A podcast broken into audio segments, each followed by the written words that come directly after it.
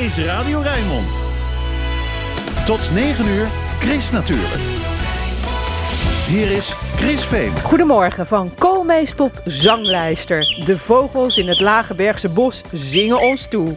Jet Mauro zocht zeven restaurants om zeven dagen lang vegan te eten in haar eigen wijk. Dus zonder koe, zonder schaap, zonder geit en zonder ei. Verbeter de wereld en begin bij de bodem. Dan wordt je tuin een bloeiende oase vol kriebelbeestjes, vlinders, vogels en egels. Je hoort er meer over vandaag in... Chris natuurlijk, met Chris Vemer.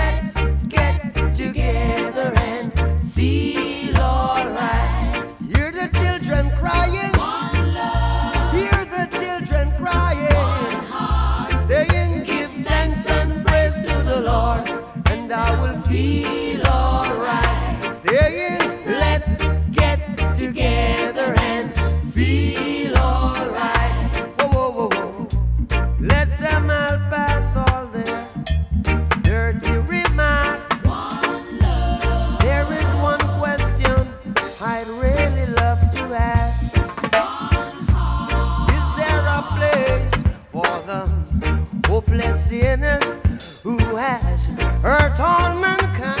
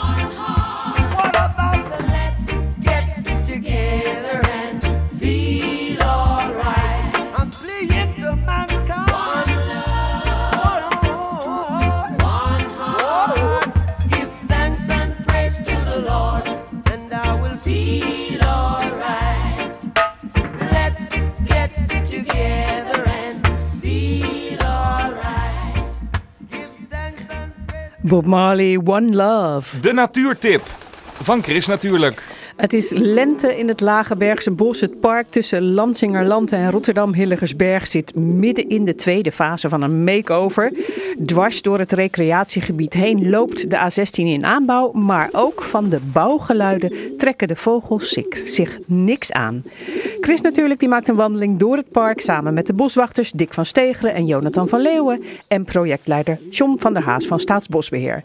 In deel 2 van deze reportage over het Lagebergse bos gaan we op zoek naar de Schotse hooglanders en natuurlijk luisteren we naar de vogels.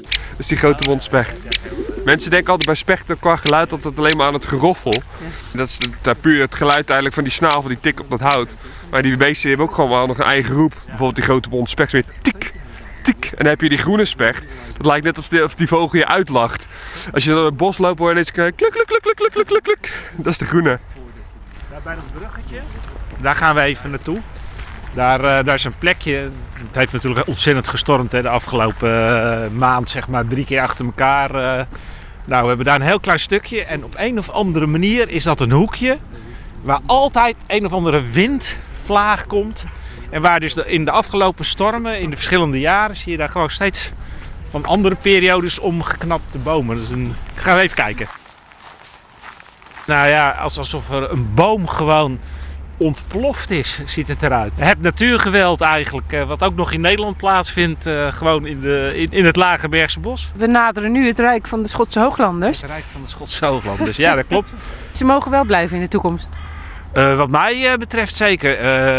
Ja, uit onderzoek blijkt ook gewoon dat de mensen hier in de omgeving die hier het, het bos bezoeken, ja, zeer hoog waarderen dat hier Schotse hooglanders zijn. Gaat niet altijd Die had je trouwens niet in de jaren 70 denk ik al hier, of wel?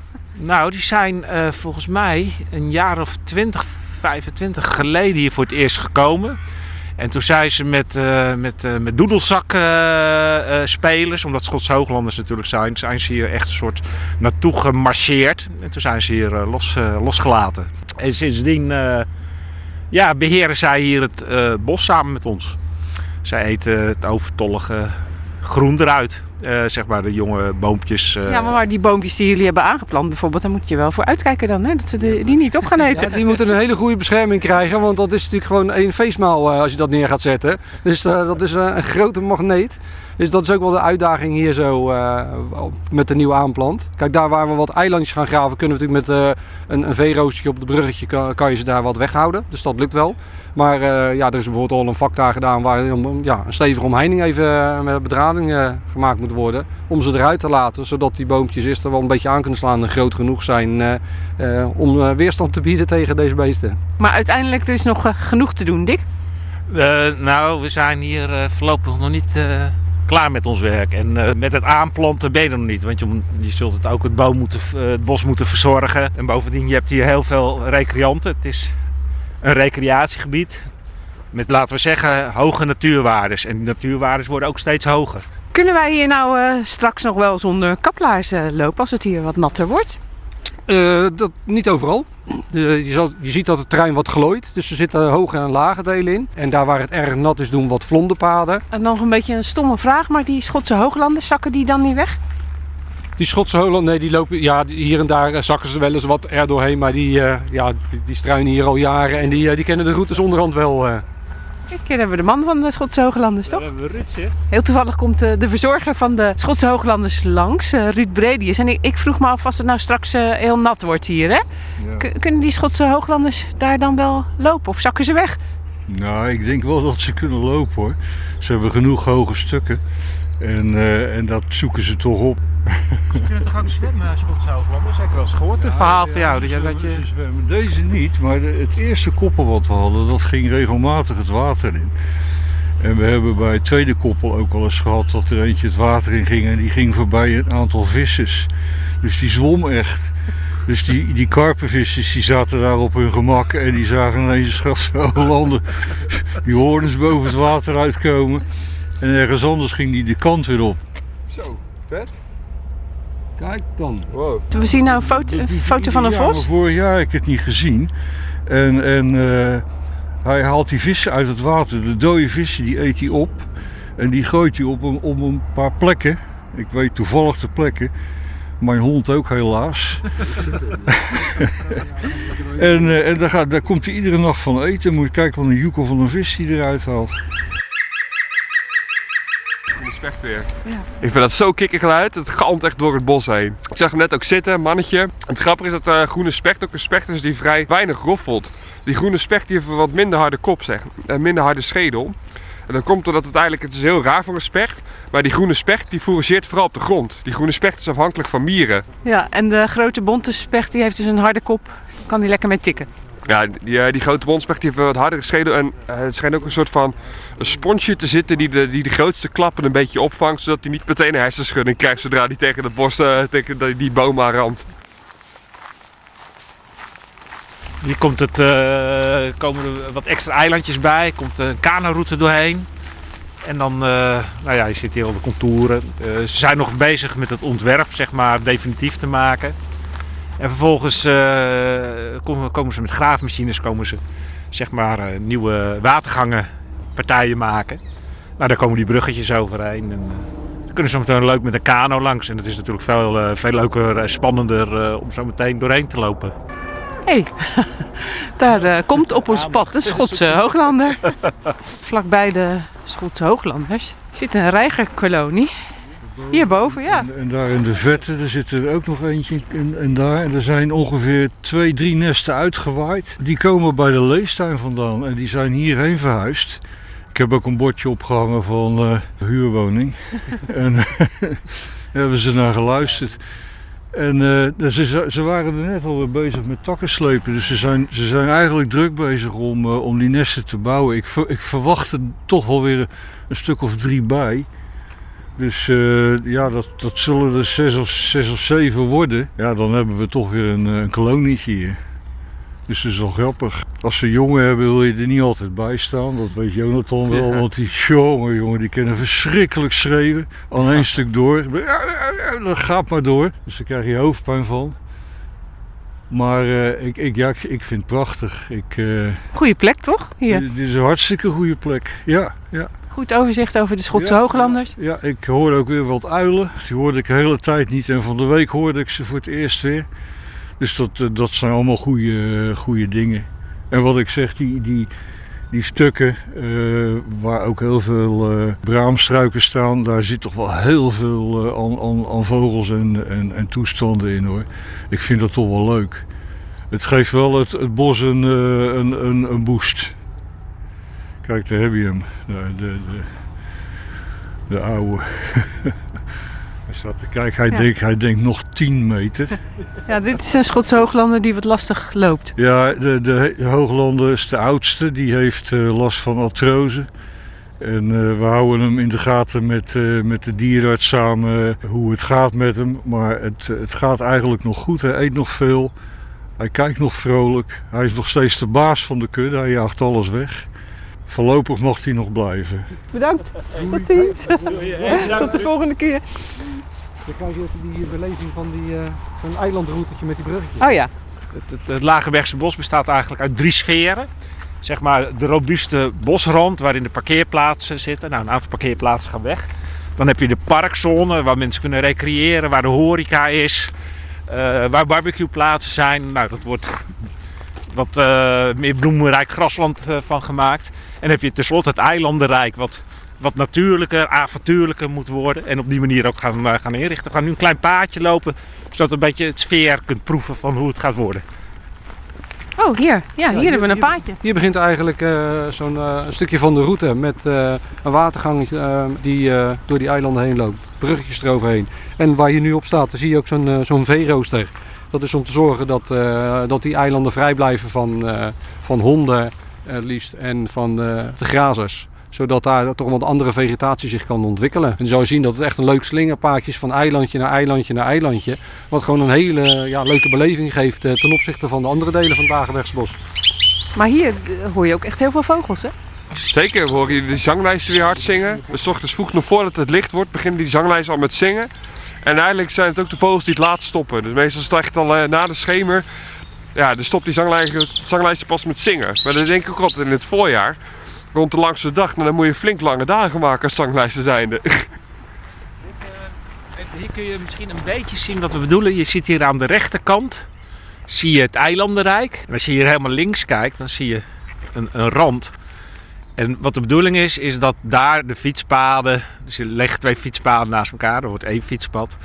Dat dit gewoon een wat ro- robuuste bos is. Dan krijg je als het ware krijg je dus dat eiland met daaromheen het, eh, het wandel, het parkgedeelte. Met een soort omarming van een robuust bos. Dat is, zo willen we het gaan maken. Ja, en een beleving van het verkeer gewoon eh, wat minder. Dat je er gewoon die auto's eh, niet hoort of ziet, maar dat je echt het gevoel hebt dat je in een groene omgeving zit om dat eh, te scheiden. In de verte zien we weer de bouwwerkzaamheden voor de aanleg van de A16. Straks zien we daar dan niks meer van. Komen er bomen op, hè, groen en bomen. En dan eh, gaat dat dan niet door die tunnel eh, groeien, die, die wortels. Dat Nee. je dan als je in de tunnel Nee. rijdt, dat je dan eh, wortels eh, boven je hoofd ziet. Dat zou misschien wel een heel mooi effect zijn. Maar nee, dat is eh, een hele eh, betonnen tunnel die helemaal gesloten is. En eh, ja, daar is de, eh, met het ontwerp rekening mee gehouden. Dat is aan de voorkant van ons ook meegegeven dat er ook echt op de tunnel eh, bomen van de eerste grootte eh, geplant moeten kunnen worden. En die worden Bomen van de eerste grootte. Ja, dan, dan praat je over de echte, de, de grote jongens zoals, als eiken en, en beuken struiken die daar zouden moeten kunnen groeien. En eh, die, ja, vanaf dat eh, taluut zeg maar, loopt dat bos dan gewoon over die, eh, die tunnel heen. Met hier en daar ook wat, eh, wat open plekken waar, eh, waar we dan weer die recreatiezone hebben. Waar mensen kunnen barbecuen. En dat je tegen zo'n helling lekker in de zon kan liggen. Dus eh, nee, dat is echt eh, aan de voorkant allemaal eh, rekening mee gehouden. Voorjaarsgeluiden, hè? Ja, Nou. heerlijk hè. Ja, die, die zingende koolmees is ook altijd echt zo'n classic voorjaarsgeluid de koolmees die, blij, die we hier hebben, die blijft heel de winter hier hangen. En dat is ook meestal een van de vogels die het eerst hoort zingen. Zodra het een beetje warm begint te worden, hoor je het fietspompje van de koolmees. Moet je een beetje inbeelden als je dit zo, zo hoort. Moet je me inbeelden dat je, dat je je band moet oppompen wanneer je hebt net een beetje een pomp die loopt wat stroef. Nou dat is de zang van de koolmees. Dit uh, speeltuintje waar we naar naartoe lo toe lopen, dat is eigenlijk voordat de A16 is werd aangelegd, is dat als een soort proef, als een soort van, nou ja, zometeen komt er van alles, dus dit leggen we alvast aan. En zo moet uiteindelijk het hele park gebeuren, moet er zo uit gaan zien. Je ziet die stenen, het is ingeplant met verschillende eh, bomen waar je ook van kunt plukken, appels en kersen geloof ik. Nou ja, je ziet een hangbruggetje waar kinderen op kunnen spelen. En je ziet hier ook op eh, warme dagen, ziet het hier helemaal vol. Met allerlei publiek, kinderen die in het water spelen. Ouders zitten daar bij de Bergse Vallei op het eh, terrasje. Een gezellige boel. Mooi eh, aangekleed, ook met, met, eh, met heesters en bloeiende bloemen. Dus zo gaat het eruit zien, dat, dit park en bos en eilandenrijk. Nou, hier eindigt onze Ja. wandeling. Ja, dus ik hoop dat ik je een mooi stukje heb kunnen laten zien van hoe, hoe de Lagerbergsbossen naar de kwaliteitsimpuls eruit ziet. En ja, de vele werkzaamheden die daarvoor moeten gedaan worden. Maar ook hoe leuk de natuur hier eh, is. En mooi als mensen zoveel mogelijk naar dit gebied komen om ervan te genieten. Dat is natuurlijk hartstikke leuk. Ja, en we moeten er dus nog eventjes op wachten voordat het eruit ziet zoals in de plannen staat geschreven. Maar ook in de tussentijd valt er genoeg te beleven in het Lagebergse bos. Yeah.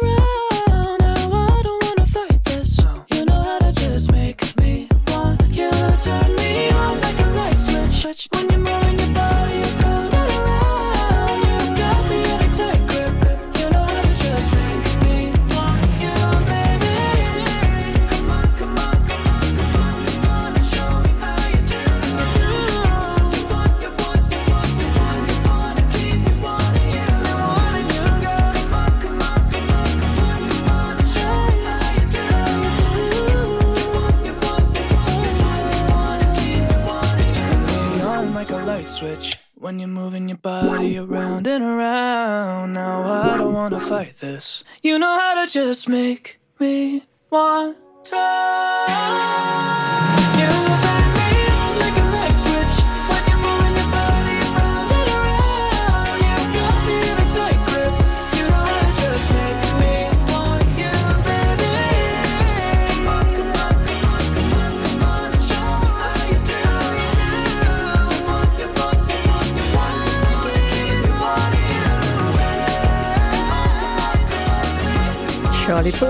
Light Switch. Jet Monroe, bekend van het literaire kindertijdschrift Boekie Boekie, gaat voor Chris natuurlijk ieder seizoen op zoek naar een plek die past bij de tijd van het jaar. Begin maart heeft Jet voor zichzelf een uitdaging verzonnen met zeven restaurants uit haar wijk. En ik denk dat we maar gauw moeten gaan luisteren of het haar gelukt is. Dus. Waar is Jet? In het scheepvaartkwartier van Rotterdam. Ja, want dat is jouw wijk en daar heb jij dus de uitdaging gehad om. Om te kijken, lukt het mij om zeven verschillende plekken een week lang vegan te gaan eten? En is het gelukt? Wat ik heel bijzonder vond, is dat bijna alle uh, horecagelegenheden waar ik was, dat ze allemaal enthousiast reageerden. En het begin ging super snel. De meeste restaurants die ik daarna nog ging vragen, hadden eigenlijk zo'n bijzondere kaart dat dat niet op de kaart paste. Je hebt iemand meegenomen die jou heeft uh, geholpen. Wie is dat? Dat is uh, Maarten Loupman. Maarten Loupman, nou ja, dat is een beroemde Rotterdamse fotograaf. En die heeft dus ook uh, lekker meegegeten, toch Maarten? Ja, ik ben zeker voor het eten meegegaan. En passant heb ik ook foto's gemaakt van alle gerechtjes. En die hebben we dus weer op Instagram of was het Facebook? Een van die jongens. Heb jij ervaring met plantaardig eten, Maarten? Ja, zeker. Ik ben heel erg een plantaardige eter. En ik heb uh, natuurlijk heel veel rare kookboeken gemaakt, waaronder ook uh, met Rob Bares een paar keer. En dan leer je wel heel erg anders denken over eten en over wat je er voor leuks mee kan doen. En vooral ook gezond en veel groen. Als je je realiseert dat überhaupt vegetarisch eten, dat was toch van die van die rare mensen die dan ook meteen van de PSP waren en op uh, nudistenkampen waren. En nu is het ineens een soort van heel normaal vegetarisch. Allicht, dat heeft iedere tent hier. En nu zitten we zelfs al met vegan, waardoor je nog weer een hele stap verder bent. Wat ze hier in de wijk ook zeiden, en dit is best een gemeen, heel veel toeristen komen hier ook. Die zeiden van, als je niet vegan hebt, ben je, hoor je er niet bij. Vegan is hip. Daar had ik ook niet, had ik me helemaal niet bij stilgestaan. Dus misschien is het wel een nieuwe manier van leven. Ik vind het grappig om het te proberen. En wie Ja. weet lukt het voor eeuwig. Heb jij lekker gegeten in die zeven dagen dat jij hebt meegedaan met de uitdaging van Jet? Ja, zeker. Ja, ook echt verrassend. Hoe was het voor jou, Jet? Nou, ik was eigenlijk ongelooflijk blij dat er restaurants zijn. Want als je sommige gerechten ziet hoe je ze moet klaarmaken, nou, dan ben je gewoon echt eindeloos lang bezig. Als je veel vrienden op bezoek krijgt, is het natuurlijk super leuk. Maar als je met z'n tweeën bent, ga je toch niet echt een halve middag in de keuken staan voor een soepje. Je hebt alles opgeschreven op eh, Facebook en foto's eh, staan er ook op Instagram. Heb je veel reacties gekregen? Ja, en eh, ook wel kritische reacties. Dat vind ik ook altijd heel, heel prettig. Dat alles wat je doet, hoeft niet iedereen meteen 20 duimpjes te doen. Dus een van de dingen was van ja, leuk. Maar hoeveel voetstappen gaat er nu eigenlijk naar de maaltijden, hè, de gerechten die je geproefd hebt? Bijvoorbeeld avocados, veel water. Maar de bietjes zijn van hier. Dus voor zo'n eh, plant, ook al is het plantaardig. Hoeveel moeite kost het om op een bord te komen? Dus wij, Maarten en ik, hadden al meteen een idee. Om te kijken hoeveel voetstappen iets heeft en ook hoe, hoe kan je die voetstappen terugbrengen naar zo weinig mogelijk. En toch iets heel bijzonders hebben. Ja, dus dat is de volgende uitdaging voor jullie en die, die ga ik dan weer volgen. Ja, dus we hebben een nieuwe uitdaging voor onszelf. Op die manier hou je je lekker bezig, hè? En nou hebben jullie eh, één leuk restaurantje uitgekozen waar wij nu een plantaardig gerecht gaan eten. We gaan even naar binnen en dan gaan we kijken wie er allemaal achter de bar staan. Hallo. We komen eventjes kijken hier. Want eh, ja, dit is dus een van de restaurants hè, die, eh, die meedoen. Ik ken ze eigenlijk vanwege het postagentschap. Dus als je je pakje moet wegbrengen of ophalen, dat doe je hier in de wijk. En dankzij hen ken ik ze eigenlijk. Dus anders had ik nooit Vreubel ontdekt. Want het is net om de hoek. En zij deden dus graag mee. Mogen we iemand eh, spreken hier? Ja, ik denk dat je Petri mag vragen. Die, Ja, want eh, wat is dit voor soort lunchroom? Nou, dit is een lunchgroep waar mensen met een verstandelijke handicap eh, een echt werken. Ze zijn hier een heel groot team van, eh, nou vandaag zijn er vier mensen. Koen, wat doe jij hier? Ik werk hier, eh, voor de, ik werk hier gezellig met, in de horeca om mensen te, te bedienen. En dat vind ik ook hartstikke leuk om dat te doen eigenlijk. Waar ben jij dan het beste in bij het bedienen? Eh, in gastvrijheid, denk ik. Dat vind ik het allerleukste, denk ik. Ik ben Petri en eh, ik ben hier de bedrijfsleider deze locatie. En eh, ja, ik zorg eigenlijk dat we hier elke dag aan het werk zijn. Ja. En eh Jetty heeft jou gevraagd of je mee wilde doen aan de challenge, haar uitdaging. Wij waren dus in de boekhandel en daar heb ik uit de hele stapel kookboeken heb ik het kookboek van eh Gigal Kran Vegan uitgekozen. En dat heb ik aan de horeca eh, gegeven. Goh, kunnen jullie hier geïnspireerd op dit kookboek een eh, gerecht maken. En uh, Petri heeft er eentje uitgekozen en die gaan wij zo meteen uitproberen. En wat wordt het? Het wordt aubergine en uh, in het kookboek heet het aubergine op wolken. En bij mij is het op roze wolken geworden, want we hebben een bietenchutney gemaakt. Die is gebaseerd op het recept uit het boek. Als je normaal een AVG'tje kookt. Dus dan... AVG'tje, aardappelen, groente, vlees? Ja, ja precies. Ja, daar, dan, heb, ja, dan heb ik geen komijnpoeder voor nodig of dadels. En nu heb ik dat allemaal wel in huis gehaald. Dus het is een andere manier van koken, maar wel heel leuk. En wie heeft uh, zo'n uh, lekker broodje voor ons gemaakt? Wie is dat in de keuken? Dat heb ik gedaan. en, dan, uh... en je bent al geholpen door? Ja, door, door Jouke en door Koen. Ook door Alaina. En eigenlijk alle jongeren die hebben geholpen. Gisteren ja. was Pascal er, die heeft me geholpen met de aubergines. Dus zo ja, besteed je het allemaal een beetje uit. We gaan, okay. we gaan proeven. Zo, daar is die. Het ziet er mooi uit. Dankjewel. Dus het, is dus, het zijn twee boterhammen met een, een prikkertje erin. Ja, dat is typisch Vreubel. Bij ons krijg je altijd je twee boterhammen met daarin een prikkertje met iets lekkers erop. Dus dat, dat is een beetje vreubelen eigenlijk? Ja. Want waar komt dat ook weer vandaan? Ja, vreubelen betekent jezelf ontwikkelen op een plek waar je uh, je veilig voelt. Ja, en dat is natuurlijk ook echt uh, de hele achtergrond van uh, dit lunchrestaurant. Ja, ja, dat is wat we belangrijk vinden. Dat de jongeren een fijne werkplek hebben en kunnen leren wat ze willen leren. En Koen, vertel nog even wat er dan tussen die twee boterhammen met het stokje zit. Ja, er zit best wel lekkere dingen eigenlijk in. Uh, er, zit een, er zit een chutney zit erin. Uh, ijsberg, een beetje sla zit er eigenlijk bij. Nootjes. En ja, en het lekkerste gedeelte. Maar dat, uh, dat, dat hou ik een beetje, dat moet hij proeven. Hebben jullie al geproefd of nog niet? Oh, nog niet. Nee. Oh ja, ja. Er zit een, uh, ook weer zo'n mooie nasmaak bij. Ik denk ook dat het heel spannend is om het met ogen dicht te eten. Want ik heb nou een nasmaak waar Jet het al over had met uh, van die nootjes die er dan in zitten. Want die bieten doen wat, maar die nootjes die daar weer in zitten zijn ook heel leuk. Ja. Dus uh, een geslaagd gerecht. Een geslaagd gerecht en een geslaagde week wordt vervolgd, want Jet en Maarten die gaan nu op zoek naar een gerecht dat lekker is en bijzonder en plantaardig, maar dat zo weinig mogelijk het milieu belast. Chris Natuurlijk. De weekendbijlage. Wat staat er in de weekendklanten over groen, natuur en milieu? Je hoort het in het overzicht dat ik lees met Martin van der Boogaard. Martin, een hele goede morgen. Ja, een hele goede morgen, Chris. Mag ik jou um, uitnodigen om te beginnen? Ja, zeker. Um, oppassen, want uh, we gaan weer wat uh, verbieden. Vanaf uh, 1 juni dan mogen we in Rotterdam, als het aan het stadsbestuur ligt, geen stadsdieren meer voeren, zoals eenden en andere vogels. Dat schrijft uh, Trouw en ook het AD. Rotterdam wil met deze maatregel de overlast en gezondheidsproblemen van de vogels uh, aanpakken. Ze krijgen namelijk vaak uh, ongezond voer met veel zout en vet, zoals patat. wie kent hem niet? De patatduif. En de etensresten die trekken ook andere dieren aan, zoals ratten, maar ook meeuwen. En ja, en voor je het weet, word je ondergescheten.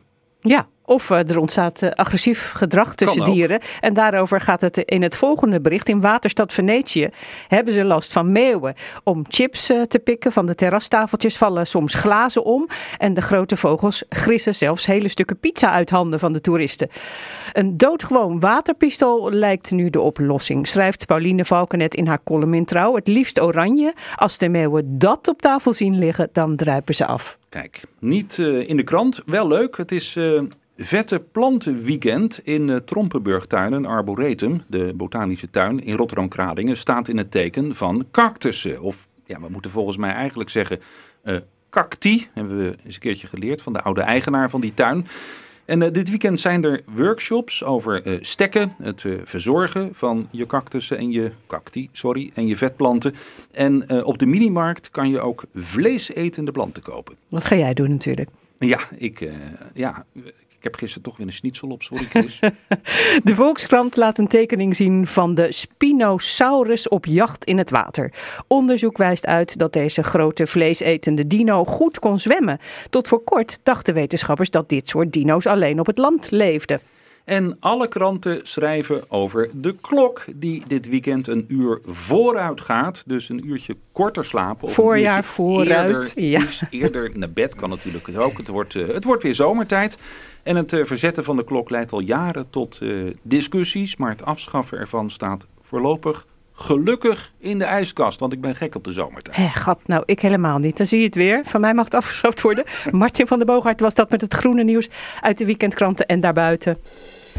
Gaan we door met het weerbericht. Dat komt van Stefan van der Gijzen. Stefan, goedemorgen. Hele goedemorgen, Chris. Wat gaat het worden met het weer in het weekend dat de zomertijd ingaat? Ja, nou, eh, deze eerste dag van het weekend eh, ziet er opnieuw eh, goed uit. Met volop zon en dat nou al een hele zonnige werkweek die we gehad hebben. Het blijft overal droog vandaag en de temperatuur loopt op naar 14 graden langs onze kust. Tot zo'n 17 graden verder landinwaarts. De wind die houdt zich nu nog rustig, maar gaat geleidelijk wel iets toenemen naar matig. Windkracht 3 tot 4 uit het noordoosten. Vanavond krijgen we vanuit het noorden wel te maken met wat bewolking. Het blijft wel droog. En vannacht hebben we dan onder die bewolking temperaturen van een graad of 7. Er kan ook wat nevel of mist ontstaan. Nou, morgenochtend starten we wellicht met wat ochtendgrijs. Maar de zon gaat opnieuw haar best doen om er een zonnige zondag van te maken. Het blijft droog morgen en de temperatuur komt iets lager uit met een graad of 15. Ja, na het weekend, Chris, dan krijgen we te maken met duidelijk meer bewolking. Dan zien we de zon steeds minder. Ook de temperatuur gaat dagelijks iets naar beneden. Maar ook is heel normaal voor de lente natuurlijk. En het wordt vanaf woensdag ronduit fris met maximaal rond 9 graden. Ja, en dat scheelt toch wel wel een jas met de afgelopen dagen. Oh, dan moet ik eens even kijken in de kast waar ik die gelaten heb. Heel erg diep achter in de kast. En eh, ja, ik heb hem dus weer nodig, zeg jij. Ja, de jas en de trui die zou ik eh, zeker... Ja, ondanks als je naar buiten kijkt denk je van nou, ik, eh, ik berg ze op. Maar ik zou het zeker nog niet doen. Oké, fijn weekend en bedankt Hey, voor de tip. weekend. Hoi hoi. Joe, hoi. Luisteren allemaal naar Chris. Kom daar toch. Chris, natuurlijk.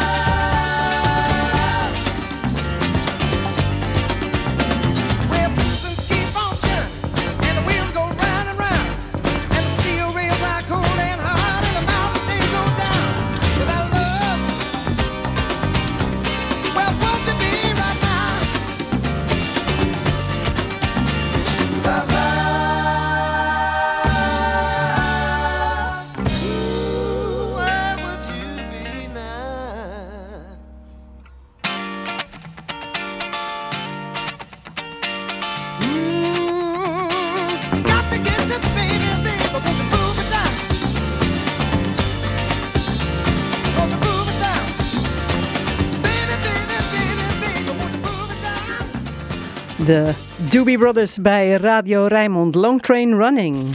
Chris natuurlijk. Lekker groen. Voorjaar, dan krijgen de meeste tuinliefhebbers de kriebels en willen ze aan de slag in hun tuin. Een goede tuin begint bij de bodem. Als het goed is, zit die bodem vol leven. In het boek Leven de bodem leer je meer over de bodem als gezonde basis voor elke tuin. Met Annemarie van Dam en Caroline de Vlaam, de makers van dit boek, wandelt Chris natuurlijk door de voedseltuin aan de Keilenstraat in Rotterdam. En daar geven ze voorbeelden van vragen en antwoorden uit het boek. Hoe je bijvoorbeeld je tuin eh, vruchtbaar kunt houden zonder te spitten. Oh, dat lijkt me lekker. Hoe doe je dat? Dat je dus zorgt dat 's winters de bodem bedekt is. Eigenlijk altijd wel. En dat kan door er een gewas te hebben. En soms is dat dus kruidgroei. Je kan het ook afdekken met, eh, met herfstblad of met snippers of met stro. Dus het gaat erom dat die, dat die bovengrond, in die bovenste 10 centimeter, daar zitten de meeste organismen die belangrijk zijn voor de plantengroei ook. En die moet je dus te vriend houden. En als het winters maar koud is en regent, dan gaan ze in die bovenste 10 centimeter het heel moeilijk hebben. Geef je ze nou een jasje, dan hebben ze het veel fijner en dan komen ze fluitend de winter door. Nog een andere vraag, Annemarie uit het boek. Hoe maak ik mijn eigen potgrond? De meeste potgrond die in Nederland gebruikt wordt, daar zit veen in. Wat elders, vooral in eh, Wit-Rusland, Duitsland en Ierland, afgegraven wordt. Dus je vernietigt daar eigenlijk een bodem en soms dan ook een natuurgebied waar dat in lag. Om eh, planten in jouw potten te kunnen kweken. En er zijn al wel een paar potgronden op de markt die zonder veen doen. Maar je kunt ook heel gemakkelijk een eh, circulaire potgrond maken door bijvoorbeeld eh, blad, herfstblad te composteren en daar bladaarde van te maken. Een beetje te mengen met een beetje GFT-compost, een beetje zand of een beetje vermiculiet. En dat beschrijven we ook in het boek, dat je daar je eigen mix van kunt maken voor jouw planten. We waren onderweg naar een mooi plekje in de tuin, Carolien. Ik loop achter jou aan. Eigenlijk, Chris, eh, je ziet hier eh, overal ook grote bakken staan. En daar, daar worden de restjes eh, van de tuin in gedeponeerd. En dan noemen we dat een composthoop. En dat is ook super essentieel voor de tuin. Want dat is dan je eigen kringloop sluiten. Hè? Dat er geen restjes verdwijnen waar gewoon nog voedingsstoffen in zitten. Maar dat je ze zelf composteert. Eigenlijk door datzelfde gezelschap als in de bodem.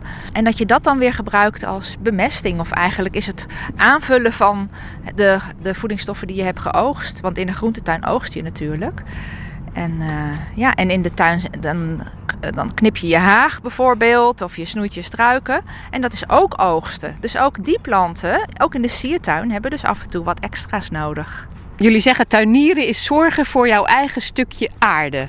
Wat bedoelen jullie daarmee? Ja, dat is mijn, eh, mijn zorg wel hoor. Dat we met z'n allen wel heel gemakkelijk veel oogsten en dat we weinig terugdoen. Dus zeker daar waar je kunt in je eigen tuin is het heel goed om je te beseffen dat je daar ook zorg voor kunt dragen. Door eh, je restjes te composteren en misschien ook wel als je een iets grotere tuin hebt je keukenrestjes erbij te gebruiken. Zodat je tuin echt goed gevoed is en de planten niet ziek worden. Maar dat ze dus ook al die beestjes weer voeden die weer bijvoorbeeld wormen en kleine kriebelbeestjes, waar de vogels weer van leven om hun jongen te voeden. Dus die, dat je die hele kringloop in je tuin hebt. En je kunt er heel veel aan beleven, maar het is ook echt heel nodig. En zo'n klein tuintje, kan dat het verschil maken? Er is veel onderzoek wordt gedaan de afgelopen jaren dat tuinen echt heel belangrijk zijn voor de biodiversiteit. In Nederland, in Engeland. Dus eh, jouw tuin is maar een klein stukje, maar het kan echt veel bijdragen. Ik heb laatst een uh, lezing gehoord van iemand die had 2000 verschillende soorten planten en dieren in zijn tuin gevonden. Echt een klein tuintje achter een rijtjeshuis. Dus het kan wel. We hebben tegenwoordig eh, te maken met uh, klimaatverandering, met uh, de periode van lange hitte en droogte en periode van weer nattigheid. Hoe ga je daar dan mee om als tuinier? Het eerste wat je doet is minder tegels in je tuin. Want nou ja, in tegels kan geen water wegzakken en in open grond wel. Ze hebben hier ook een voorbeeld verderop, hè? een sponstuin. Zullen we daar eens gaan kijken? Ja, laten we daar even gaan kijken. En dan ga ik toch nog weer die vraag stellen, waarom is het nou zo belangrijk? de bodem. Als de bodem gezond is, dan zijn de bodemdieren gezond, dan zijn de vogeltjes die ze opeten gezond, dan zijn de gewassen gezond en wij dus ook. Hier zijn we bij de Sponstuin. De Sponstuin is een uh, initiatief van uh, architectuurbureau Urbanisten in samenwerking met de gemeente. En zij uh, hebben zich op een gegeven moment een aantal jaar geleden gestort op die wateropgave, wateropvang in de stad. En zij dachten, nou waarom doen we niet een proef? En die Sponstuin hier is dus die grote proef. Het is een grote cirkel, die zijn allemaal vakjes verdeeld. Elk vakje is gevuld met Rotterdamse grond. Dus uit het Oude Noorden, en uit het Scheepvaartkwartier en uit Hilgersberg. En dan zitten er natuurlijk planten op en dan gaan ze volgen door de jaren heen hoe die planten zich ontwikkelen. Gewoon om te kijken wat dat eh, dus doet voor de bodem. Jullie stellen zelf heel veel vragen in het boek, geven er antwoord op, maar jullie stellen ook vragen aan deskundigen. Dat klopt, omdat wij natuurlijk eh, proberen een eh, boek te schrijven voor een hele grote groep tuiniers. Hè? Tuiniers in soorten en maten. Alleen eh, sommige dingen, kijk, daar weten wij ook niet zoveel van. Dus een aantal vragen die hebben we echt gesteld aan mensen die daar de hele dag mee bezig zijn. Bijvoorbeeld hebben we bezocht Matthijs van Houtem. En die is ja, juist uit onvrede met dat afgraven van veen voor compost en potgrond is die zelf begonnen aan het zoeken naar een goed alternatief zonder. En dat is een hele mooie en ook een biologische compost en potgrond. Dus dat is echt een heel mooi product in de markt. En we hebben hem dus gevraagd hoe hij dat doet en hoe hij ertoe is gekomen. Nou, dat kan je in het boek lezen. Wat wil jij bereiken met dit boek? Dat de mensen ontzettend veel meer gaan beleven in hun tuin. Dus dat ze zien wat er gebeurt en dat ze, dat ze begrijpen wat er gebeurt. Het, het allerbeste werkt als je gewoon doet wat er binnen jouw regio mogelijk is, op jouw bodem. Want je kunt niet een heidelandje op natte zware klei. Dat werkt gewoon niet. En je kunt niet planten die zonaanbidders zijn in een schaduwhoekje zetten. Dus dat zijn de dingen die in het boek allemaal aan de orde komen. En als je het weet, dan zie je het. Leven de bodem heet het boek van Annemarie van Dam en Caroline de Vlaam. Het boek is uitgegeven bij KNNV Uitgeverij. Kost in de winkel 24,95 euro.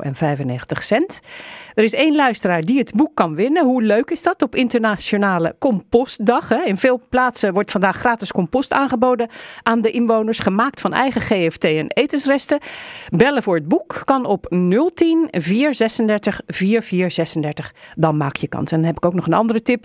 Wie wat meer wil weten over slakken in de tuin en wat je kunt doen om het een beetje in de hand te houden, doe dan mee aan de Zoomles van Veld Rotterdam op donderdag 29 maart. Aanmelden kan op veldrotterdam.gmail.com.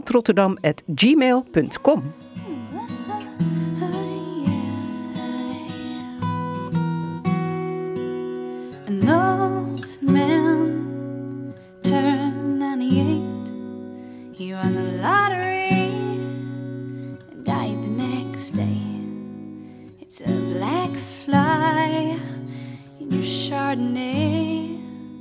It's a death row pardon, minutes too late. And isn't it ironic?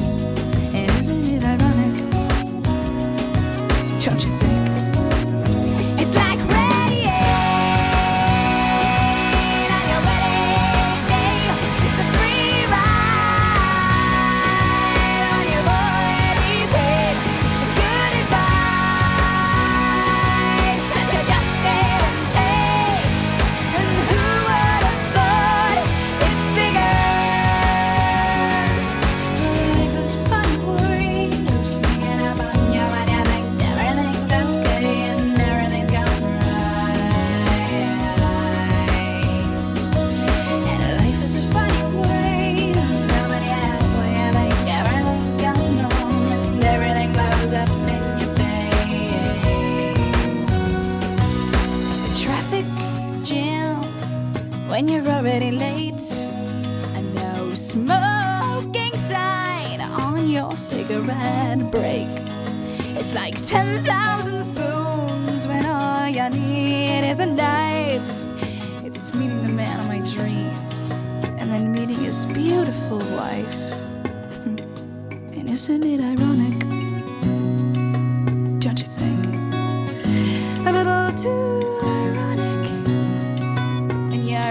you think?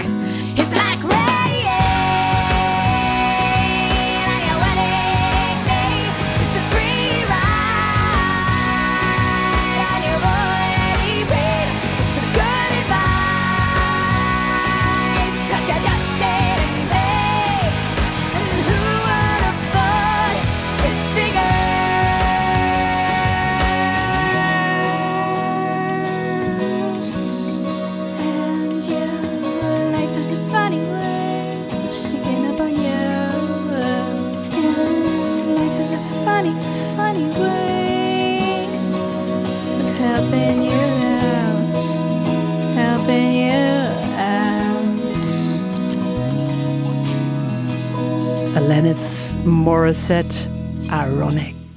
Chris natuurlijk, op Radio Rijnmond. Wordt 2022 het jaar van de kikkerbillenbijter of het groot schrijvertje? Vijf bijzondere insecten maken kans op de titel Insect van het jaar.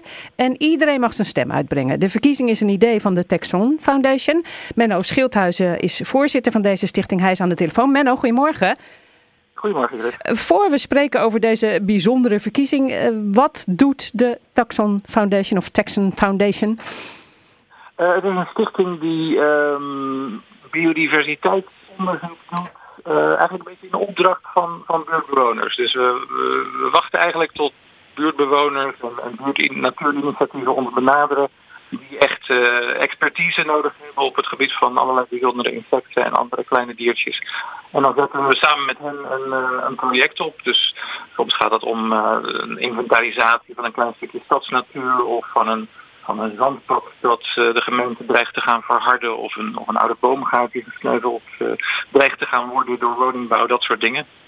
Menno, kun jij misschien op een, een plek gaan staan waar we je iets beter horen? Want af en toe eh, hoor ik je niet heel goed. Dus misschien dat dat eh, lukt. En dan vraag ik je ondertussen nog, hoe zijn jullie op het idee gekomen voor de verkiezing van het insect van het jaar?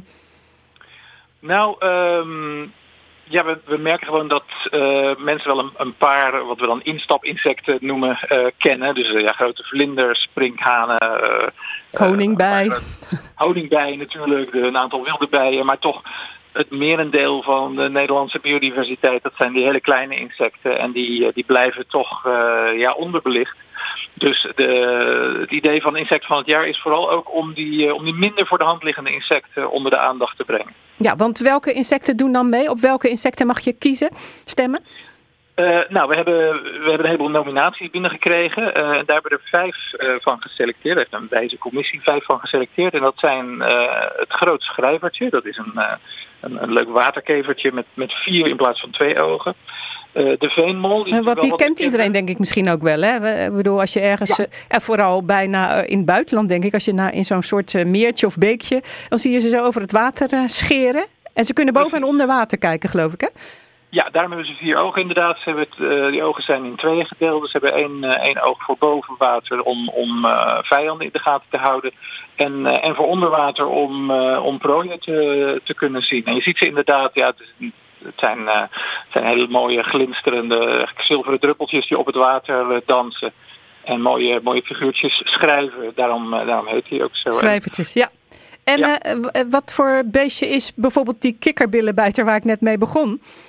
Kikkerbillenbijter is een mug. Eh, nou ja, muggen staan natuurlijk heel, eh, ja, hebben een slechte reputatie. Maar dit is een soort waar wij helemaal geen last van hebben, want hij bijt alleen kikkers. Ehm, het is een soort die eh, helemaal gespecialiseerd is op, op het zuigen van bloed van kikkers. En hij komt ook op het gekwaak van kikkers af. Dus soms zie je mensen die een foto hebben gemaakt van een, van een kikker. En daar zit dan, als je goed kijkt, zo'n zo'n mug achterop. Ehm, en eh, wat, misschien ook leuk is om te vertellen is dat alle, alle insecten zijn geadopteerd door een bekende Nederlander. Dus die eh, zijn ambassadeur geworden van die soort. En die maken reclame de komende paar weken voor die soort. En deze is bijvoorbeeld door um, Asja ten Broeke geadopteerd. En het schrijvertje dat ik net noemde door eh, auteur Peter Middendorp. Ja, en hoe doen ze dat dan? Reclame maken? Doen ze het een beetje goed? Ze, ze doen het goed. eh, ze doen het allemaal goed. De ene, de ene wat actiever dan de ander. Maar allemaal op social media en, eh, en op, op andere manieren proberen ze mensen ertoe eh, te verleiden om te stemmen op hun beest. Ja, en nou, bijvoorbeeld, want laten we eens even naar de veemol gaan. Die dingt ook mee in de verkiezing. Maar ik dacht, hè, is dat een insect? Ja, ja, het is eigenlijk een miniatuur mol. Hij ziet er ook een beetje uit als een mol met die, met die grote graafpoten van voren en een soort zachte fluweelachtige beharing. Maar het is een krekel eigenlijk. Eh, best een grote. Het is eigenlijk even, dus de, ja, de grootste insectensoort die bij de vijf zit. Eh, ik denk dat die makkelijk 4 centimeter lang kan zijn. En, en de mannetjes maken een heel mooi gezang, net als ja, zijn krekels tenslotte. Dus met hun, met hun vleugels maken ze een soort, een soort zacht, ehm, fluisterend, eh, trillende fluit. En mensen horen dat soms en hebben geen idee wat het is. En het blijkt dan dus een veemnol te zijn die in een gangetje onder de grond zit om een vrouwtje te lokken. En waar komt die dan voor? Ook, ook bijvoorbeeld in Rotterdam? Ja, gewoon door het hele land kun je ze vinden. Ze zijn niet erg algemeen, maar, uh, maar als je een beetje rijke bodems hebt, uh, niet al te veel uh, vervuiling, dan, dan, dan, vind je ze daar. Ja, en ze zitten onder de grond, dus je ziet ze niet zo vaak. Nee, nou ja, goed, we hadden het straks over het boek Leven de Bodem, hoe belangrijk dat bodemleven is. Maar dat, ja. dat, ja, dat vindt dit beestje dan ook leuk. Dan hebben we nog het, het zanddakje. Ja, het zanddakje is geadopteerd door Silassi Palsing en die is heel actief om reclame te maken voor het diertje. En het is een kokkerjuffer. Um, of een schietmot. Want dat zijn echt twee namen voor hetzelfde beest. De kokkerjuffer is de larf. Die leeft in het water en die maakt een eigen kokertje van, van zandkorreltjes. Um, en het volwassen dier lijkt eigenlijk meer op een soort vlinder. Een, uh, een mot, alleen heeft uh, haren in plaats van schubben. Um, ja, en ook hele belangrijke dieren voor, uh, voor het zoete water worden vaak gebruikt om de waterkwaliteit aan, aan af te leiden. Um, maar met een hele interessante levenswijze en, en best sierlijk en mooi als je, ze, als je ze beter bekijkt. Ja, en hadden we de waterschorpioen al gehad? Nog niet gehad. Nee, de waterschorpioen is, um, is ook een behoorlijk spectaculair dier.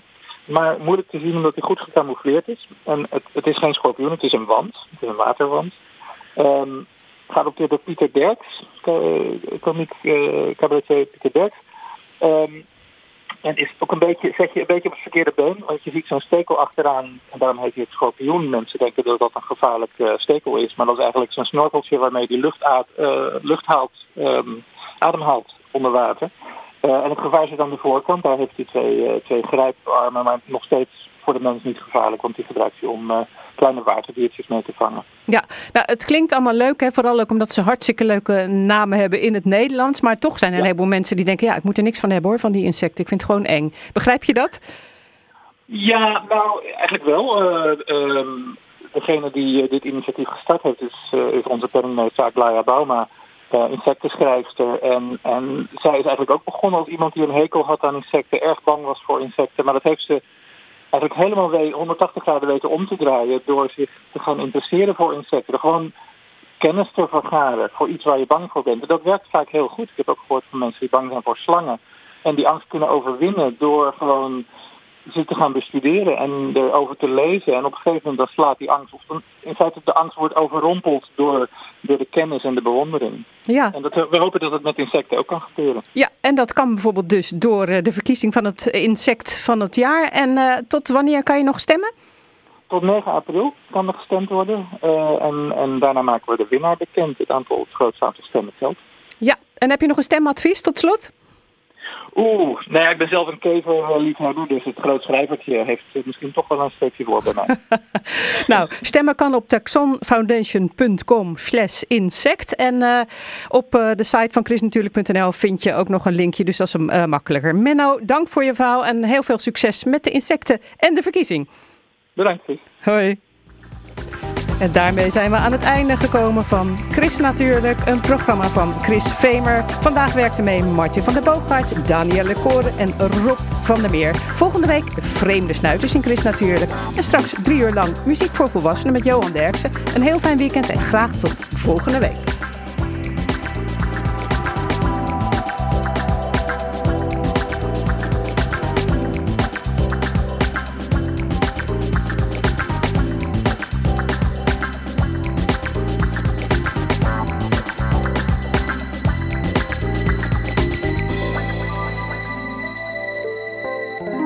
Chris Natuurlijk. Kijk ook op chrisnatuurlijk.nl